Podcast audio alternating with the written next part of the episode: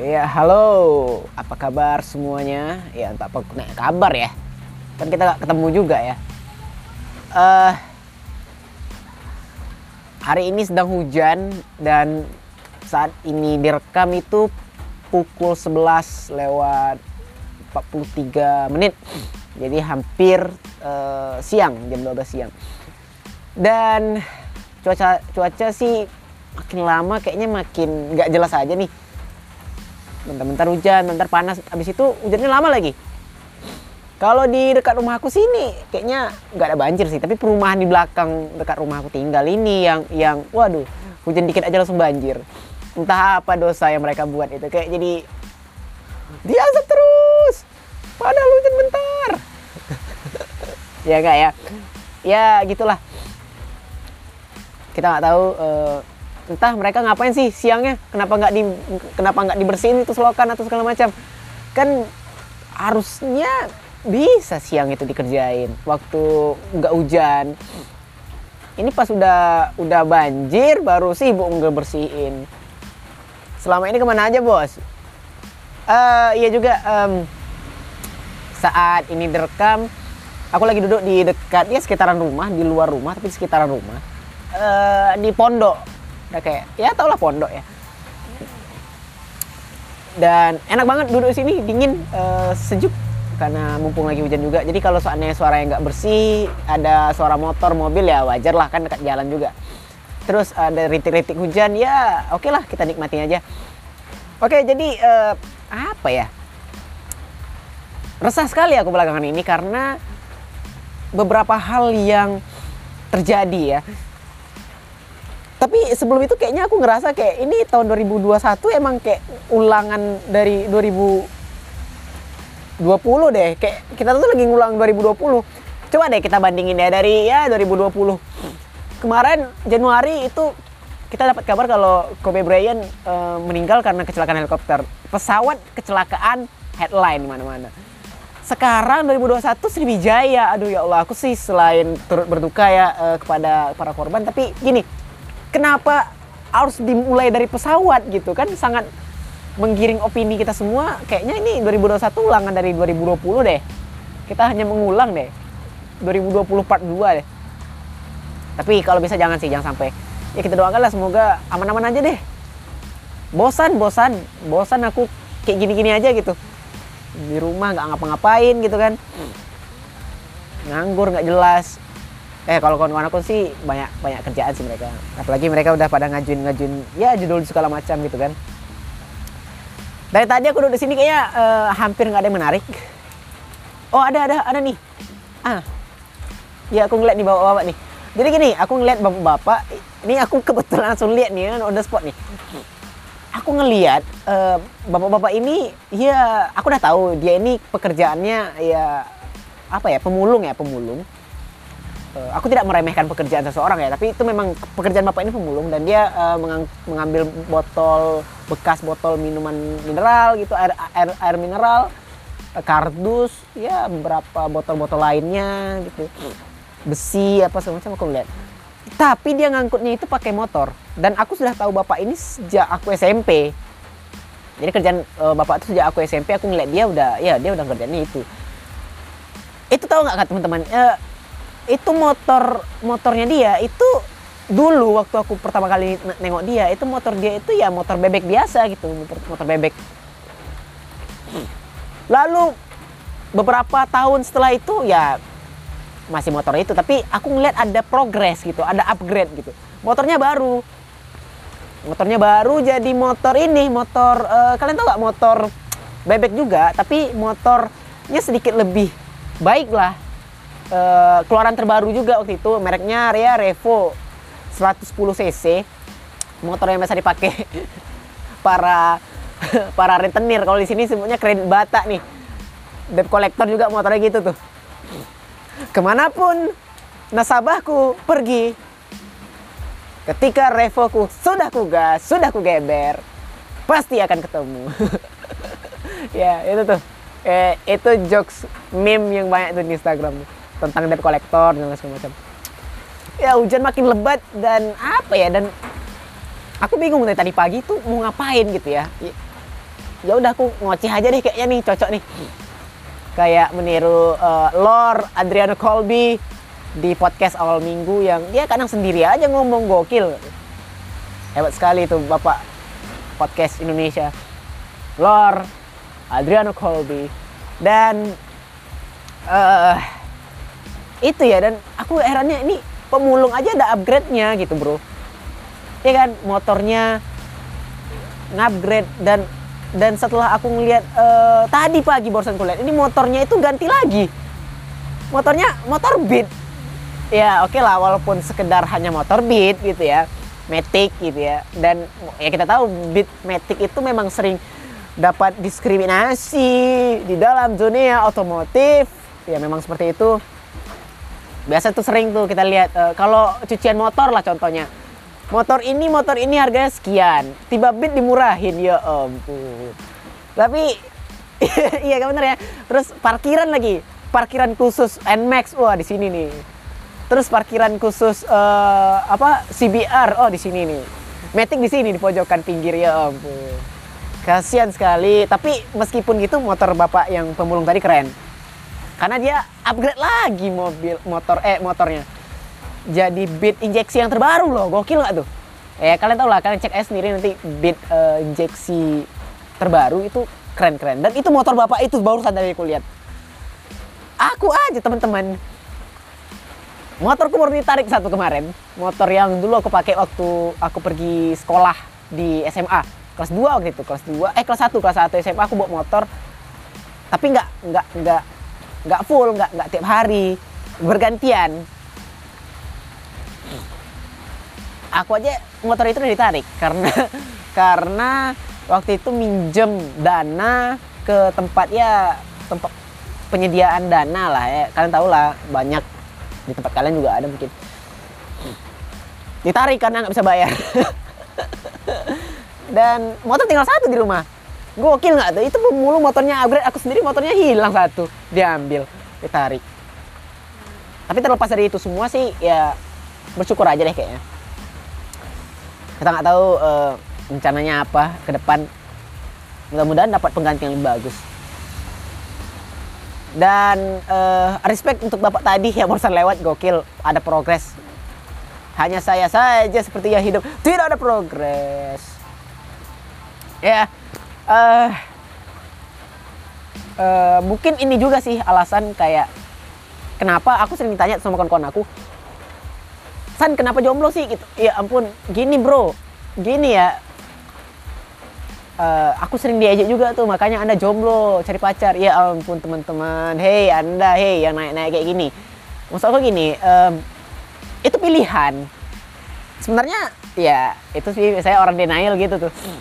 Uh, aku memilih untuk single dan jomblo itu karena ya apa ya kalian tahu lah motor aku yang mau ditarik gila. Dan aku punya prinsip dalam berpacaran itu seperti ini kayak cewek itu nggak akan aku kasih izinkan untuk uh, mengeluarkan uang gitu speser pun saat aku ajak dia keluar jalan paham nggak sih? Jadi kalau saatnya dia jalan sama aku ya dia tanggungan aku dan aku tidak membenarkan dia mengeluarkan uang speser pun untuk ya mau apa pun itu gitu. Mau biaya makan mau biaya date atau segala macam. Aku yang tanggung semua.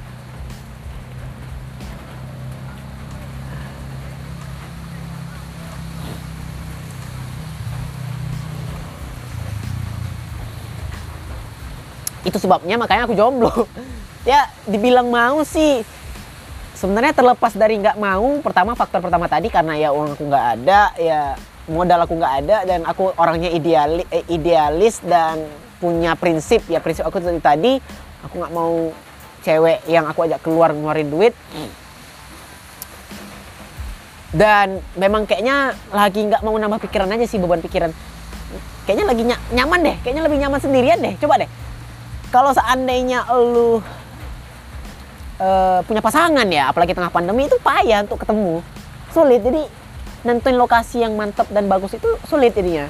Mau ketemu di mana, kita takut Covid di mana-mana gitu kan. Apalagi uang lu nggak ada.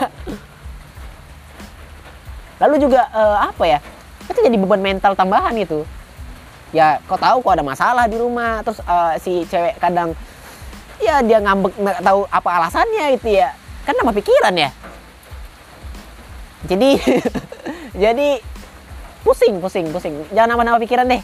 Pandemi udah sakit kepala tambah lagi urusan uh, orang lain gitu. Uh, pacar lu ngambek apa semacam ah enggak. Tapi gara-gara itu juga sih kayaknya aku uh, aku di nggak dibully sih kayak di lagi di ejek ya di di, di ya diceng-cengin lah sama kawan-kawan uh, kuliah. Di grup kelas tuh di grup kelas. Jadi ada kawan aku yang uh, perempuan dia super respect. Uh, dia itu menggelar pernikahan di tengah pandemi seperti ini. Jadi dia ngirim undangan pernikahan di grup kelas kami. Dan grup WA itu ya. Dan luar biasa gila. Aku respect sama orang yang berani, berani, berani dan bisa menggelar pernikahan itu di tengah pandemi loh. Saat semua orang tidak ada uang, tidak berani membuat acara acara-acara yang mengundang kerumunan saat uh, COVID ada di mana-mana. Ada orang yang berani melakukan pernikahan itu gokil. Dan apa ya? Dan itu kau harus punya mental yang kuat ya menurut aku ya. Siap. Dan harus punya modal tentu. Atau gara-gara gini mungkin. Atau gara-gara karena ini covid jadi undangan nggak terlalu banyak. Ya saatnya melakukan pernikahan. Ya kita nggak tahu ya. Aku juga nggak tahu sih uh, entah apa motifnya tapi kayaknya memang murni ibadah. Nikah ya memang murni ibadah dong. Uh, jadi kawan aku itu dia ngirim undangan ke grup kelas WA di grup WA kelas uh, kampus kuliah. Dan uh, namanya Bella. Uh, respect sekali Bella untuk di mana pun anda berada ya kalau anda dengar ini. Sampai saat video ini syuting ya anda baru ngirim eh sampai saat bukan video sih. Sampai saat rekaman ini direkam anda baru ngirim itu berarti undangan itu dan respect sekali semoga bahagia ya untuk uh, untuk Bella. Itu tadi karena berani melakukan undangan di menyebar undangan di tengah pandemi. Aku aku sih nggak kebayang. Belum lagi nanti gini loh kayak kalau lah ada memang ada tamunya ya memang. Ini kayaknya ada tamunya nih. Uh, memang undangannya jadi nih. Uh, itu bakal rame dan gimana gimana ya? Indonesia itu sulit kenapa menurut aku di Indonesia itu sulit uh, menjalankan protokol kesehatan? Karena ya gitu orang-orangnya denial.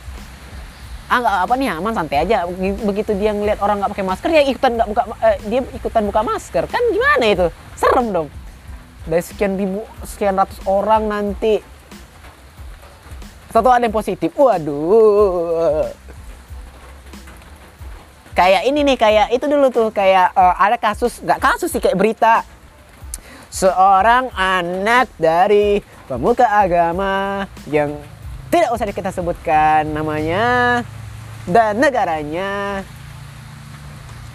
menggelar pernikahan.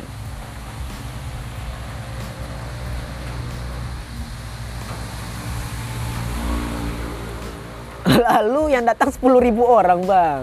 Oke. Maksud aku Waduh. Ya kita tahu ya, ya kita tahu di Indonesia yang menyinggung soal agama, hati-hati Anda bisa diciduk. Tapi ya mungkin gini, mungkin ya 10 ribu itu adalah kerabat dan keluarga. Tapi nggak mungkin juga ya 10 ribu, 10 ribu orang kerabatnya, keluarganya ya. Katanya sih uh, waktu itu undangannya cuma sekitar 500 undangan. Tapi kenapa bisa sampai eh, sepuluh ribu dong? Iya kita nggak tahu itu ya. Gak usah seuzon. Yang penting kan ya udahlah ada berlalu gitu ya. Tidak adil, tetapi tetap tidak adil. Sementara tempat lain itu ada loh yang undangan pernikahan itu yang dia mbak cuman yang main organ lah, tapi nggak sampai sepuluh ribu orang datang.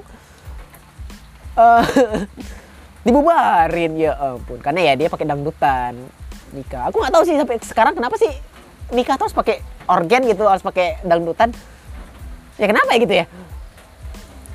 Aku sih tipe orang yang kayaknya nggak bakal nikah ya tapi kalau seandainya ya orang kan punya uh, apa ya pandangan hidup masing-masing ya. Aku sih tipe orang yang kayaknya nggak akan nikah dan nggak kepikiran untuk nikah sih. Mungkin untuk saat ini atau ya gimana lah. Uh, gini uh, ribet nikah itu ribet dan apa ya dan aku juga kalau setelah seandainya nanti aku akan nikah juga aku tidak akan melakukan itu. Aku tidak akan uh, melakukan organ tunggal kayaknya.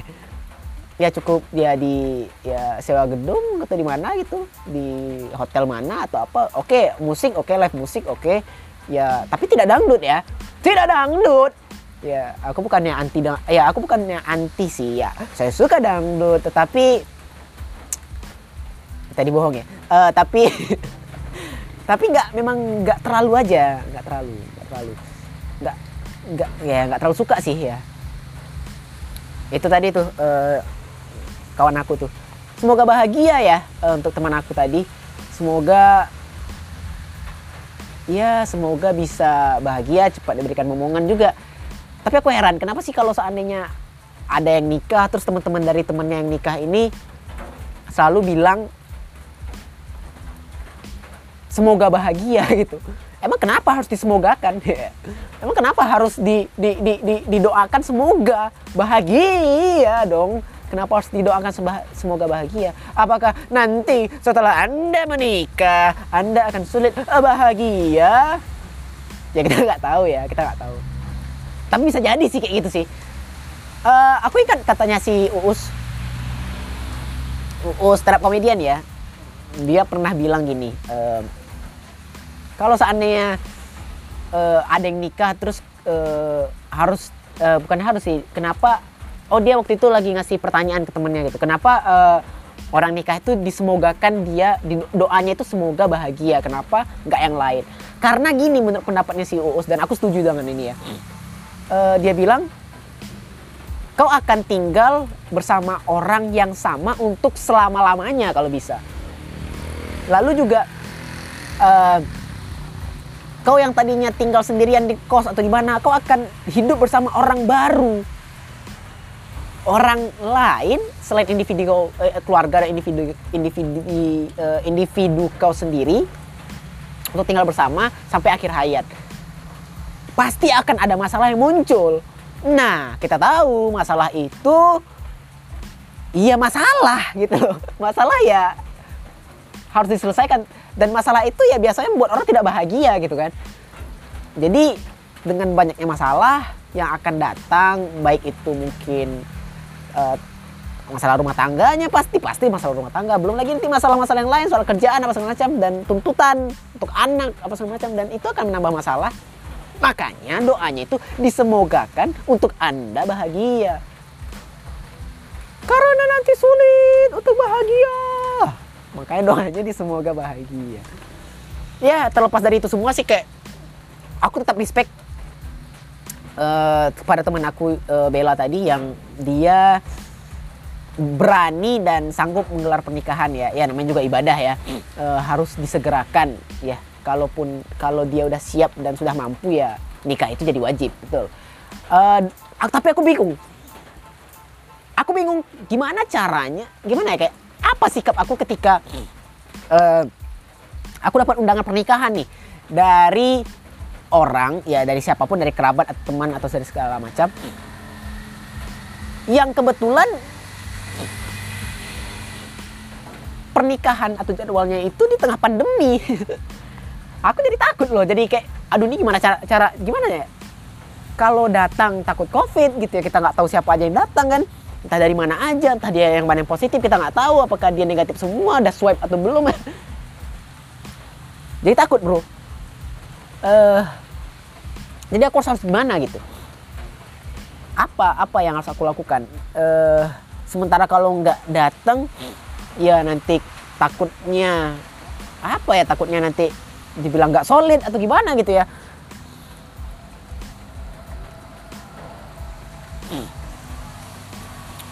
sebenarnya padahal dulu waktu tidak covid ya aku tuh sangat suka sekali datang ke pernikahan orang. Makanan makanannya gratis.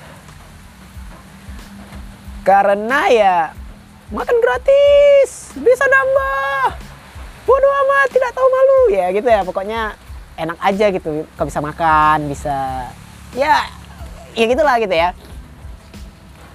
Aku karena prinsip dalam hidup aku tuh kayak uh, selagi itu gratis kejar terus dong. Jangan disia-siakan. Uh, ya.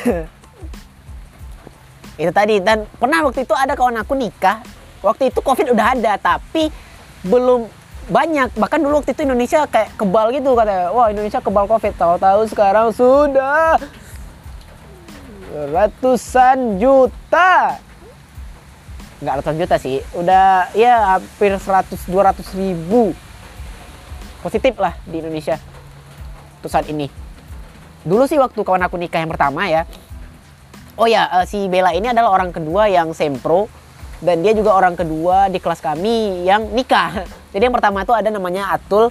Dia gelar pernikahan juga tapi waktu itu sekitar uh, Agustus nggak sih? Ya Agustus Agustus 2020 ya kan covid belum belum belum terlalu parah kali ya di Indonesia. Aku datang tuh waktu itu karena ya memang belum ada aja belum takut kak. Belum apa ya kayak belum terlalu aja sih. Tahu-tahu sekarang di tengah-tengah pandemi, gimana sikap aku ya? Aku jadi takut deh kayak itu tadi dilema, aku jadi dilema antara datang atau tidak.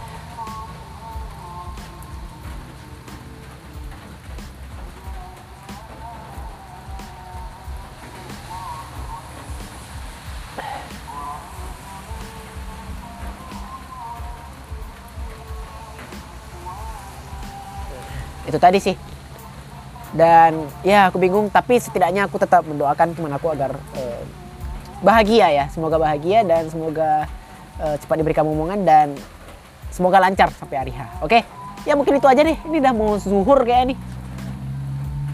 Segitu aja dulu eh, sampai jumpa di lain kesempatan. Dadah